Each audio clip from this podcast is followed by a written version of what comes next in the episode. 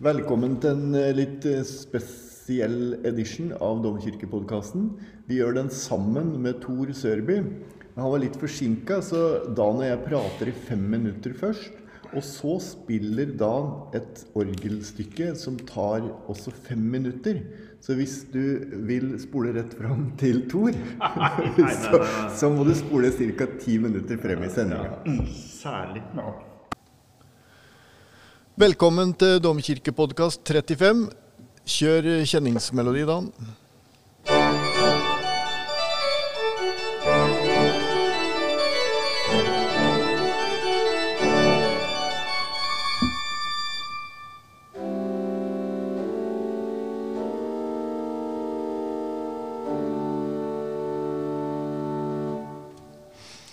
Der tok du noen uh, rask vei gjennom musikkhistorien, gutt. Ja, der var det krumspring. Ja. Det ble først orgelmusikk av Bach, og så ble det orgelmusikk av han som de sier har kommet med det største bidraget til orgellitteraturen etter Bach. Er en del som sier, da. Det er ikke småtteri, altså. Nei, det er det ikke. Det Jeg lurer på hvor mange av lytterne våre som nå veit hvem vi snakker om. Fransk komponist. Kan nok være en del, altså, for det er veldig umiskjennelig, de akkordene du spilte der. Veldig spesielle. Han hadde lagde egne akkordserier og skalaserier som han bygde opp musikken av. Han var systematiker de luxe. Olivier Messiaen, fransk komponist. Født 1908 og død i 1992, mener jeg det var. Og derfor så skal vi nå ha en sånn Messia-kveld. Ja. Jeg vil si vi er egentlig to dager Men mens jeg eh, i samarbeid med Moss Arena. Så vi venter på vår gode venn og kollega Tor Sørby. Men han har problemer med bilen. Han har en gammel bil som bremsene låser seg på. Det er eh, Sånne ting vet jeg mye om. Gamle biler som ikke funker. Ja. Vi får håpe han kommer fram. Og så venter vi også på vår faste sidekick, Jan Henrik Gillebekk. Ja, Han er jo veldig begeistra for Bach. Jeg er litt usikker på hans forhold til eh, Messiaen egentlig, men dette skal vi finne ut. det må vi høre med nå. om. Jeg tenkte mens vi venter, Dan, så kan vi jo legge litt press på oss sjøl med å si at vi, nå skal vi snart lage en bryllupspodkast. Ja, vi er jo snart på vei inn i høysesongen for bryllup på vår og sommer. Og tenkte vi skulle presentere litt eh, bryllupsmusikk på orgel, da. Vi har jo spilt inn masse bryllupsmarsjer som blir lagt ut på websida til eh, kirken i Fredrikstad etter hvert. Ja. Men vi tenkte også vi skulle lage en podkast og bare spille noen sånne små utdrag, da. Mm. Uh, jeg, Messia tror jeg aldri har spilt i bryllup. Nei, ikke jeg heller. Det, det kan jo plutselig komme, det òg. Ja. Men eh, han er jo regna som en modernistisk komponist, og var vel kanskje også det. Men eh, han begynte som eh, en, slags eh, blanding av impresjonist og senromantiker, egentlig. Så han er ikke blant de verste 1900-tallskomponistene. Utfattelig mye spennende og fin musikk der. Ja, nei, Han har jo en veldig bred appell på en Ja. måte, selv om, selv om det er uh, spesiell musikk. Mm. Og i mange forskjellige leire. Jeg så jo på en kjempebra dokumentar på NRK som uh, bærer det lite kristelige navnet 'Helvete'. Om, om eh, Jeg tror jeg har snakka om den før òg. Om heavy heavyrocken, eller hva heter det? Ja, det Black Black metal? me- heavy metal, ja. Ja. Eh, historie i Norge, for vi er store på det i Norge, vet du. Mm. Og der var det noen av de folka der var veldig opptatt av Messiaen. Og hadde ja. veldig inspirert av Messiaen. Um, eh, men det er jo også sånn at uh, det er ikke alle som liker det. husker, du, husker du har fortalt deg historien Dan, om når vår uh, Der kommer Tor, ja. Kjempebra. Om når vår forgjenger eh, Guttorm Ilebekk, før han ble domorganist i Fredrikstad, så var han organist i Rygge kjerke. Og da fant man han skulle spille med seg. Ja, det var eh, et sånt, jeg tror det var et meditativt eh, stykke fra den julesyklusen til Messiaen, mente, mener jeg at gutta fortalte meg. Ja. Han spilte under nattvern eller ofring eller et eller annet. Og da kom det en sinna mor opp på galleri og kjefta på han fordi han hadde skremt eh, ungen hennes. Ja. Barnet hadde blitt redd av musikken. Det var noe av det kraftfulle, da. Men det er jo noe av det der som er liksom sånn eh, veldig vart og vakkert òg. Det er vel noe med det at eh, for at Messias musikk skal komme til sin rett, så bør man kanskje ha litt sånn stort rom. Ja. At du har den klangen rundt det. Det er vanskeligere å se storheten i det i et lite rom. Ja, i hvert fall orgelmusikken. For den er, eh, den er jo skrevet eh, i hvert fall til en stor del for eh, det orgelet som Messiaen spilte ved i Sankt Trinité-kirken i Paris, hvor han var organist i mange år. Ja. Så mye av orgelmusikken hans er, er tillempa den typen store orgler og store rom. Da. Du har vært der, du, i den kjerka? Jeg tror jeg har vært der én gang, eller om det var to. Var på et par gudstjenester der når, eh, da jeg studerte litt i Paris. Og det er et veldig karakterfullt instrument og fantastisk rom. Både Mm. å være i oss sånn visuelt og, og høre akustikken. da. Mm. Han har jo skrevet et stort eh, verk som heter eh, Mys Mysteriet i, over Trinité-kirken. Ja, det er eh, et av de siste orgelverkene. En sånn kjempesvær syklus som varer over en time. Ganske sjelden framført, det, da, men jeg har hørt at det er eh, flott og veldig spennende musikk. altså. Jeg tror Thor ivra veldig for at vi skulle få med det når vi skal ha den Messia-dagen. Men eh, det lot seg ikke gjøre. Men Nei. vi skal snart høre nå hva, hva det er vi skal ha med på, på den dagen eller de dagene. Ja. Men Thor han kommer her med bakevarer og Mac og telefon og eh, alt. eh, Skal snart bare få komme seg inn til mikken.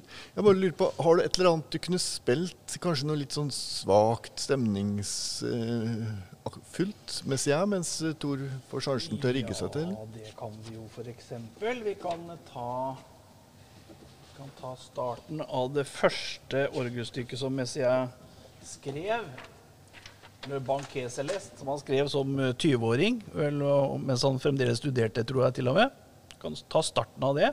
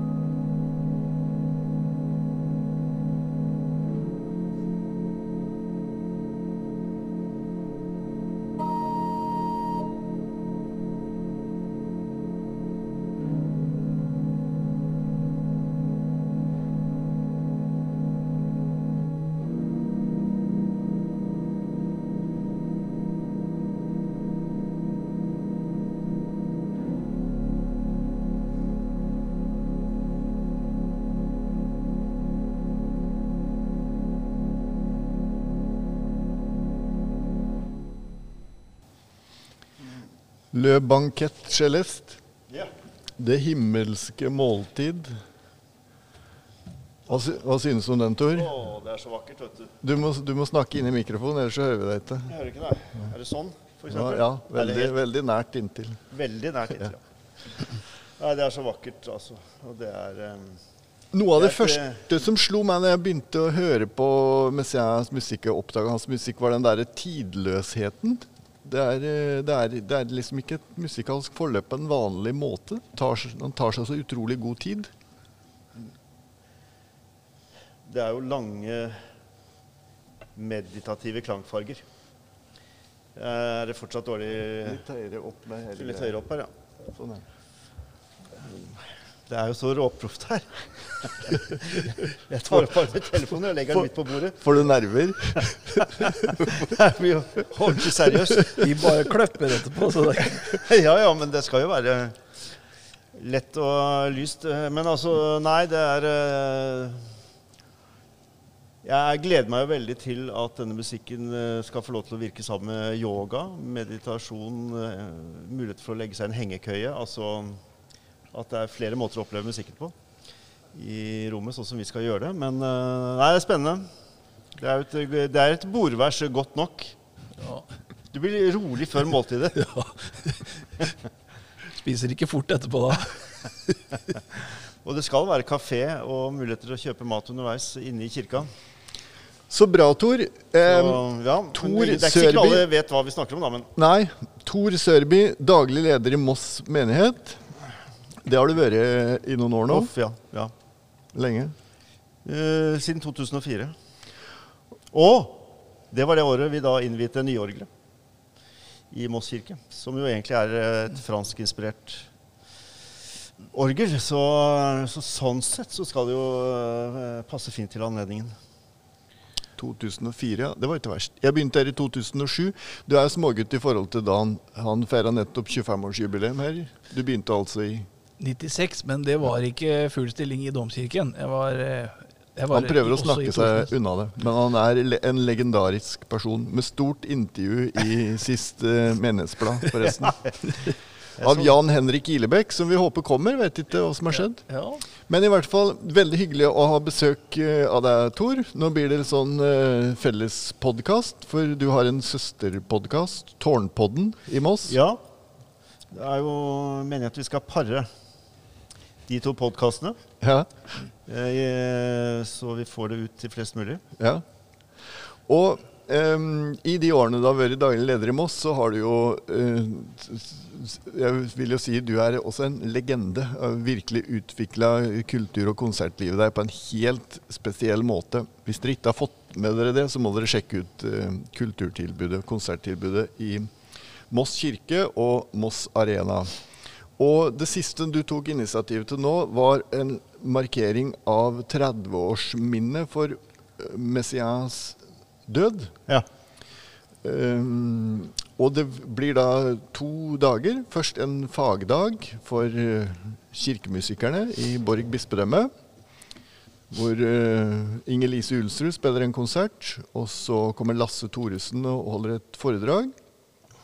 Hvis noen av lytterne er ekstremt interessert, det er bare å ta kontakt. så jeg er sikker på vi kan lure dere inn der. Men så er det altså den store skal vi si, offentlige dagen, eller rettere sagt kvelden. Lørdag kveld, Tor. Hva skjer da? Den som visste det. Nei, det er jo et øh, det- skal jo sies at vi programmerte dette for øh, i 2019 uten å egentlig ane helt konsekvensene av, av det. Fordi jeg oppdaget det var øh, 30 år siden, i 2022, siden han døde. Altså faktisk 27. april. Altså det blir jo liksom rett rundt dette prosjektet her. Vi skal prøve å ta med oss noe av dette også til øh, 1. mai-gudstjenesten. Så får vi se hvor mye vi greier å trekke over slik at det er åpent i tre dager. Og tanken er jo å lage en slags, eh, et slags rom hvor vi eh, både har kunstinstallasjoner, eh, gjøre om rommet en del, og eh, har flere soner som man rett og slett kan oppleve musikken på. Det skal være yogatimer, altså meditative timer underveis mens det er musikk. Det er kafé i rommet, så man liksom ikke må ut av kirka for å få i seg mat og drikke. Og, og det er foredrag. Lasse Thoresen. Vi skal ha inn en skulptur av, eh, altså av en Ragnhild Buttensjø. Eh, Av Frans av Assisi, som har stått litt bortgjemt i Moss i eh, veldig mange år. Den skal nå flyttes opp på mellomstasjonen, så skal den inn i kirka. Frans likte jo fugler, og preket for fugler. Det, og mens jeg Jeg vet ikke. Det fins jo musikk eh, som ikke er basert på fuglesang, men eh, det er ikke mye, tror jeg. Jeg vet ikke. Han var glad i fuglesang og skrev eh, ned sangen ute i naturen med Ja. notebrett. Ja, Og rett ned, tok det rett ned. En slags stenografi av Ja. fuglesang som han uh, henta inn og brukte i, i veldig mye av sin komposisjonsteknikk. Og, og det siste han skrev, tror jeg var jo operaen 'Frans av Assisi'. Eh, så mens hadde jo da også en forkjærlighet for Frans. Ja, vi Det er jo et også- spennende perspektiv. Men vi skal jo ikke gjøre operaen, da. Det får vi ikke til. Men vi skal gjøre ganske mye orgelmusikken. Og vi har bytta litt et stort klaververk fordi det ble noe, noe eh, armer og hender som ikke eh, kunne gjennomføre det. Så det blir da denne kvartetten til tidens ende som, som avslutter Oi, kvelden, oi, og som på mange måter er Plutselig så føles det veldig riktig, da, fordi ja, verden ser ut som den ser ut, så er denne skrevet i, i konsentrasjonsleir. Eh, hvor mens jeg satt. Så besetningen den er litt eh, preget, eller altså den blei sånn fordi at de som han satt sammen med, eh, spilte de instrumentene. Ja. Klarinett, eh, fele, cello og klaver. Så Han spilte, han spilte vel sikkert selv klaver. Ja. Så det er sterk eh, historie. Ja. Jeg lurer på det fuglesangperspektivet. Har du et eller annet du kunne spilt av som illustrerer det? Jeg tenker på i starten av eh, Dioparmino, hvis du har den der f.eks. Så er det en sånn Ja, liten det er, jo, det er jo flere steder hvor han har skrevet hvilke fugler som eh, forekommer, men, Ja. eh, og, og mange steder hvor, hvor det ikke står. Vi kan jo starte med åpningen fra La Nativité du Seigneur. Den har vi jo selvfølgelig. Eller så har vi Vi kan jo ta fra L'Ascension òg. Der er det en slags, også en slags, slags eh, fugleåpning. For, for, men det må jo da si at det skal jo du spille. ja, det skal jeg. det er, det er fire satser, Ja, og hvor uh, Tord Gustavsen kommer og skal improvisere mellom satsene. det blir eh, veldig det Og så veit vi av erfaring at når vi har gjort sånne ting før, Tor Erik, at han skal improvisere mellom satsene, så se, kan vi ikke se bort fra at han hiver seg på mens han spiller òg. Altså, Ja, det eh, det vet vi aldri. Det Det skjedde, Vi hadde jo Martin messe for dobbeltkor, og, og plutselig så var de inne i, inne i selve verket på, uten at vi trodde det kom til å skje. Så Dan, jeg vet ikke, du er forberedt på det meste? Jeg er forberedt på det meste. Vi kan jo ta noe fra eh, førsten av eh, andresatsen her, sånn, bare for å demonstrere litt sånn fugle, fugleaktig klang, da.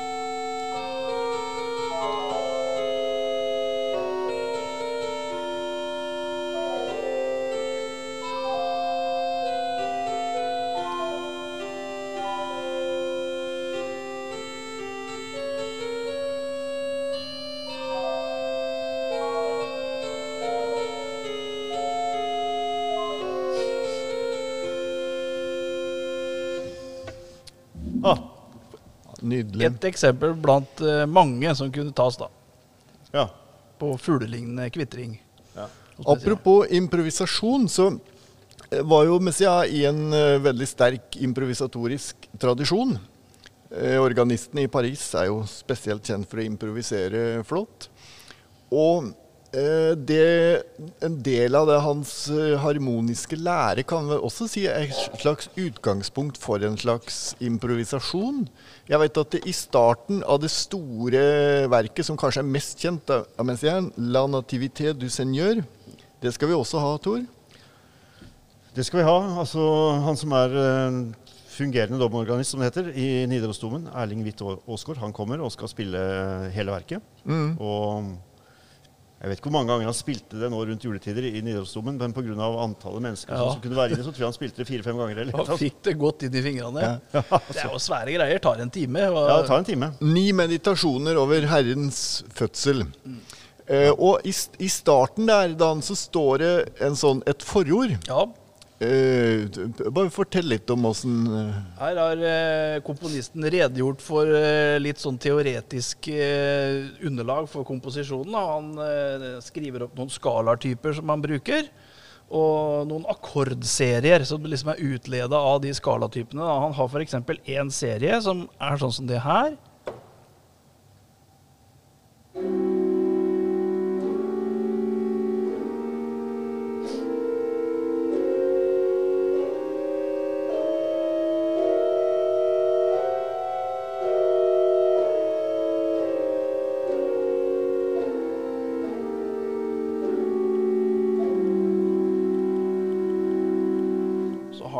Er litt annerledes.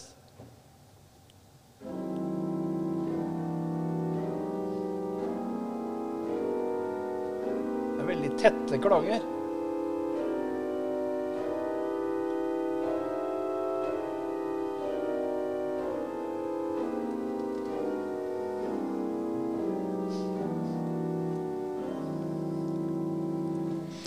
Og det der i kombinasjon med de der skalaene som ikke er vanlig dur-moll-skala, men en annen type skalaer, det er jo eh, som Det er akkurat sånn jazzmusikere holder på, kan du si. Så det Ja. der kun, kan også ses på som en sånn oppskrift for å improvisere. Så det blir kjempespennende å høre. Det blir veldig spennende. eh, Og, og, og vi snakker om klangfarger Mm. når vi snakker om Messia, og han så jo altså ikke bare eh, han, Det var ikke bare skalaer, det var jo en slags klangskalaer, eller hva jeg skal kalle det. Så han så farger ut ifra hvilke klanger han spilte. Ja. Så han kan si at litt blått med litt gult inni og sånne ting. Og, og jeg vet ikke om noen av dere ser det. Jeg, jeg vet uh, Helene Grimaud, altså den franske pianisten, hun ser farger når hun spiller. Så det er noen som har den uh, evnen, da. ja, det heter et eller annet, det der. Jeg husker ikke. Det gjør det. Det gjør det. Men uh, Det er en sånn en kobling oppi hjernen som skjer med enkelte klanger, som gjør at man da ser for seg farver. Ja. Spesielle farver. For det er jo Det er jo liksom hvis jeg, hvis jeg, ja, Åssen musikk er dette, liksom, hvis du skal prøve å forklare det, så Så har jeg prøvd å forklare det. altså Mine, mine enkle ord på det er jo klangfarger. Uh, fuglesang, altså at det liksom det, det du jeg, Det er ikke sånn at jeg kan høre hvilken fugler han hele tiden driver og skriver. Jo. Men så er det for meg også et slags rytmeshow, da, noe som Lasse Thoresen uh, stussa veldig over at jeg brukte det ordet. For det er jo ekstremt mye også rytmer. Så jeg gikk over til å kalle det rytmefest. Altså det er eh, klangfarge, rytmefest, fuglesang. Jeg vet ikke flere ord jeg går an å bruke på det, men det er veldig vanskelig å si hva slags musikk det er for noen som ikke har hørt det før. For det er jo ikke noe som ligner egentlig ordentlig. Nei, det er en veldig sånn egenarta stil. Og det er sånn at uh, hvis man skriver i den stilen, så låter det så likt Messiaen at da, da, da, mister, da ja. mister den andre komponisten all personlighet, holdt jeg på å si. Så det er, det er veldig få som skriver helt likt som uh, Messiaen. Da. Ja. Men eh, Eh, vi, fordi vi har vært eh, mest opptatt av klangene inntil eh, nå. Og du kan si det der i tidlige verket som du spilte, Mm. så var de der i korte tonene, som for øvrig var i pedalen. De korte, lyse tonene ja. er i pedalen, så det er litt spesielt. Det var en sånn fast rytme. Ja, Men jeg lurer meg på om det, man rett og slett kan si at i senere verker så er det ikke så mye av den faste rytmen. Han, eh, han skyver på det hele tiden. Ja. Veldig, veldig vekslende taktarter. Plutselig er det en note som har bare tre sekstendeler, og så er Ja. det en som har fem, osv. veldig frie rytmer. Mm. Ja. ja. Uh, og, og egentlig jazzy, det òg, da. Ja, Det ja. er klangene, men altså oh, ja. u, ujevne taktarter. Mm. Så ja. Uh, du kjenner jo orgelet litt, eh, Dan. Du har jo spilt i Moss noen ganger. ja da. Hva tror du? Det vil nok klinge veldig bra på det orgelet. Ja. Selvfølgelig skulle vi gjerne hatt et litt større rom, altså. Ja da, men eh, jeg tror det, det orgelet har en sånn varm, eh, rund klang som, eh, som gjenspeiler franske orgler ganske ålreit allikevel. Så det er Det er, musikken er såpass fint skrevet òg at det må, det må ikke være franske orgler for å få det til å funke. Nei. Altså, Vi må jo, bare, må jo bare dedikere Ideen kom fra Nils Henrik Asheim, som gjorde komplett uh, mens jeg orgelmusikk i Stavanger konserthus i 2019. Eh, Min kollega Kjetil, organist, han skulle gjerne vært med hit, men han spiller begravelser i hele dag. Han, uh, vi reiste bort og var der. Det var ni timer. Og syv-åtte organister fra av de liksom store internasjonale. Uh, og, og så veldig mye av den ideen med å bryte opp rommet og liksom man kunne bevege seg fritt fra konsertsalen og ut i blackbox-scenen, hvor, hvor all musikken kom fra svære eh, PA-systemer, høyttalere.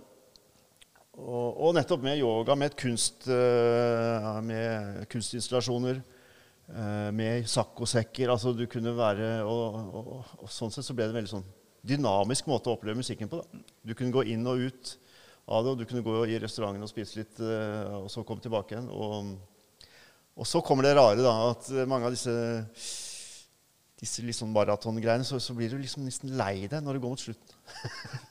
og så, da vi gjorde alle Bachs orgelverk på tre døgn, så var det sånn trist siste kvelden når vi nærma oss midnatt. Når vi visste at det var liksom eh, tre døgn som var i ferd med å, å bikke. Og, og, det rare var også uten i og for seg å skryte. Så det å gå til Trondheim fra Oslo, da, som jeg gjorde i sommer, så var det også trist å nærme seg Trondheim. Ikke pga. å nærme seg Ikke i og for seg å komme fram, men å vite at mm. dette er snart over. Altså den derre modusen du er i. Så hvis noen tenker at sju timer er lenge, så kan jeg bare si at det er ikke lenge. altså. Det er en veldig kort konsert. og så kan man komme og gå akkurat som man vil. Mm. Så man kan komme og si at 'uff, jeg kan komme klokka åtte eh, og være en times tid. eller sånn. Det altså spiller ingen rolle. Det blir det blir på en måte et litt sånn vorspiel fra fem til seks. Litt sånn eh, litt små, korte verk og litt eh, informasjon om kvelden. Og så blir det tre akter. Fra seks til åtte, fra åtte til ti og fra ti til midnatt. Med da dette eh, kvartetten, da, som jo på mange måter blir en eh, Ja, for å romme det, det vi står oppe i i, liksom, i verden nå. Mm. Så tenker jeg at det blir en uh, utrolig flott uh, og gripende avslutning. Og så har jeg vært litt usikker på om det skulle være der, men veldig mange har sagt at det verket må være med på en sånn kveld. Så til syvende og sist så ble det sånn. Mm. litt tilfeldig, men, men, da føles det veldig meningsfullt at det er sånn kvelden avsluttes. Ja.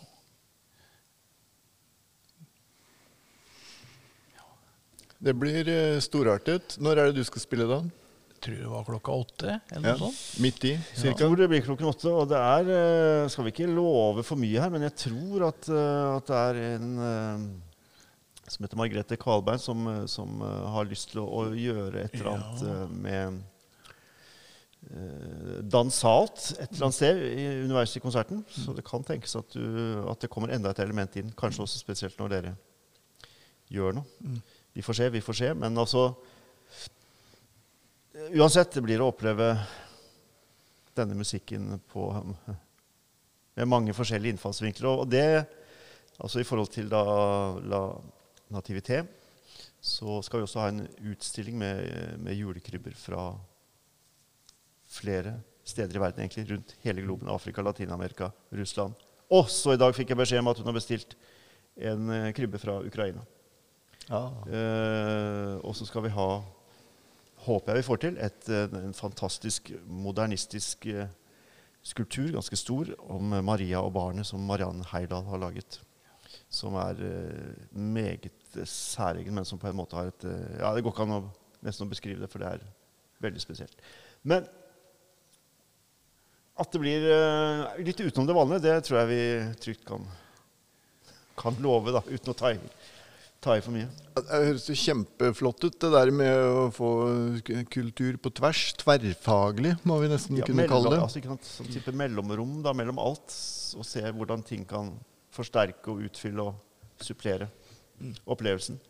For det er klart, det er, jo, det er, jo, ingenting i verden som egentlig sier at det er den beste måten å oppleve musikk på, at du kommer inn og setter deg på en hardstol og sitter der i to timer. Altså, det er jo ikke nødvendigvis uh, Eh, den smarteste måten. Jeg ville ikke satt meg ned sånn hjemme hvis jeg skulle hørt på musikk. Jeg, jeg ville nok satt meg mykt eller lagt meg på gulvet, som mm. regel. Ja. Jeg, jeg, jeg får lyst til å nevne at det året jeg var i Nidarosdomen, så Ja. var det helt på slutten der, så var jeg jo med på den maratonkonserten um, The Veil of the Temple av John Tavener, en annen av våre store samtidskomponister. Den konserten begynte jo klokka 11 om kvelden og var ferdig klokka 6 om morgenen.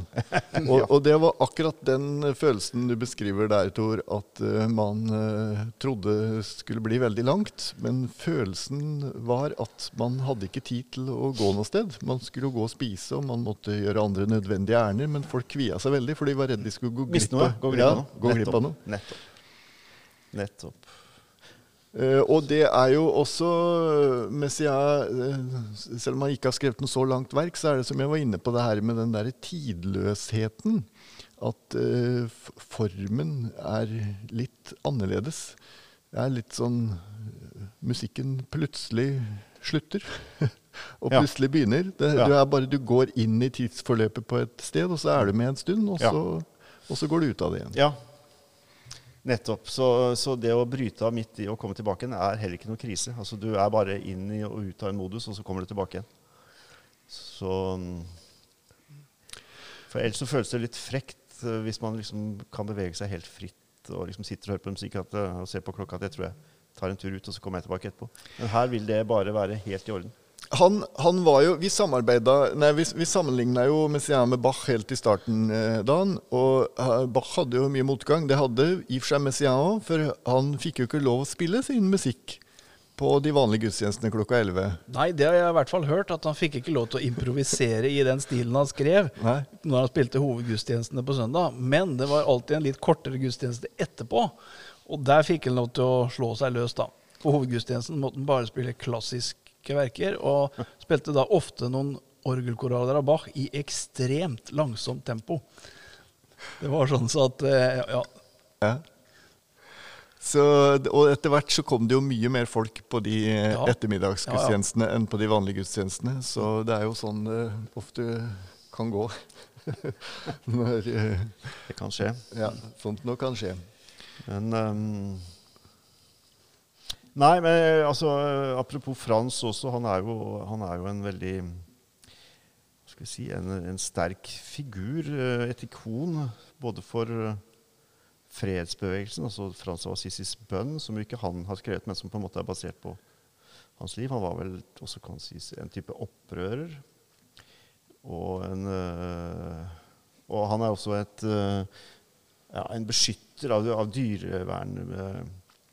dyrevernbevegelsen. Så han har liksom så mange ting som på en eller annen måte nå er veldig fint. Og det, er, det ligger liksom pilegrimsmotiv også sterkt inn i Frans av Assisi. Så en slags eh, En maraton er jo en slags pilegrimsreise. også. Du, du starter et sted, og så, og så slutter du, og så er du så kan det godt tenke seg at du er litt endret som person etter at du er ferdig med Altså at du har fått noe du ikke visste at du fantes, eh, før du er ferdig. Og, og apropos Margrethe Kalbein, som har vært prest hos oss nå, vikar hos oss et års tid nå, hun eh, skal også reflektere litt rundt Frans av Assisi-skikkelsen. Så mm, jeg tror det blir veldig innholdsrikt.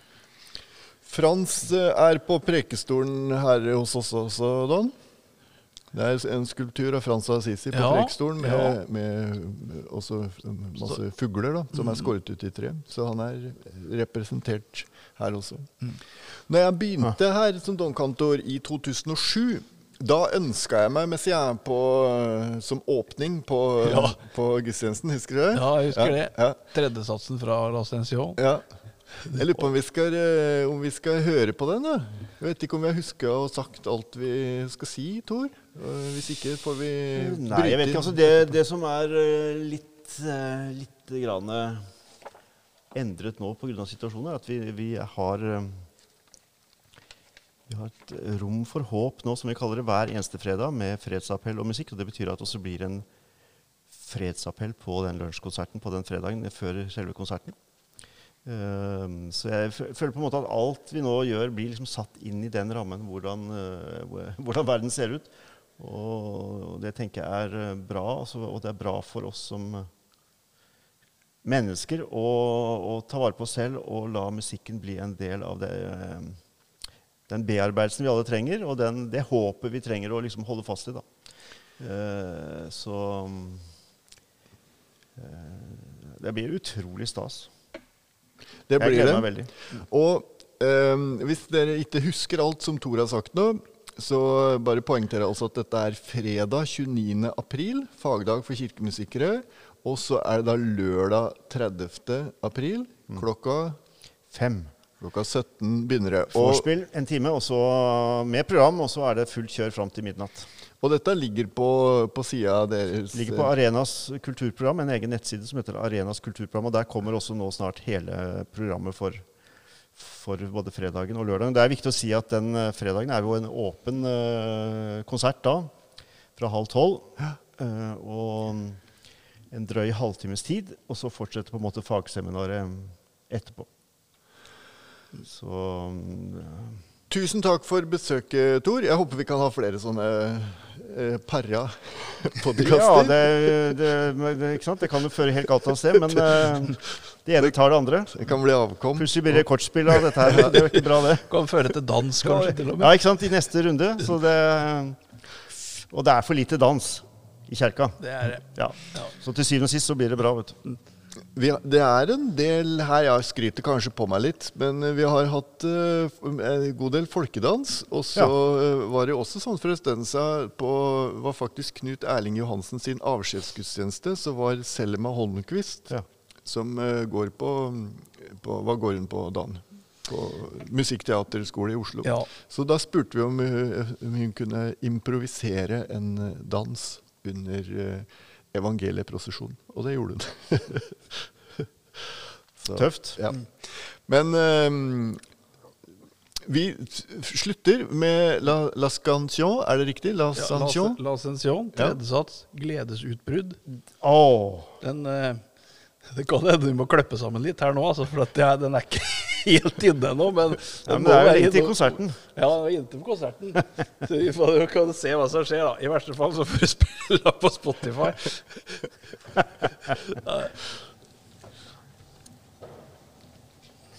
Ja. Lykke til. Skal vi prøve, vi prøve nå? Kjør i vei. Det er ikke sikkert det går, altså. Skal vi se. Jeg kan bare passe på at jeg har alt her. Eh, eh.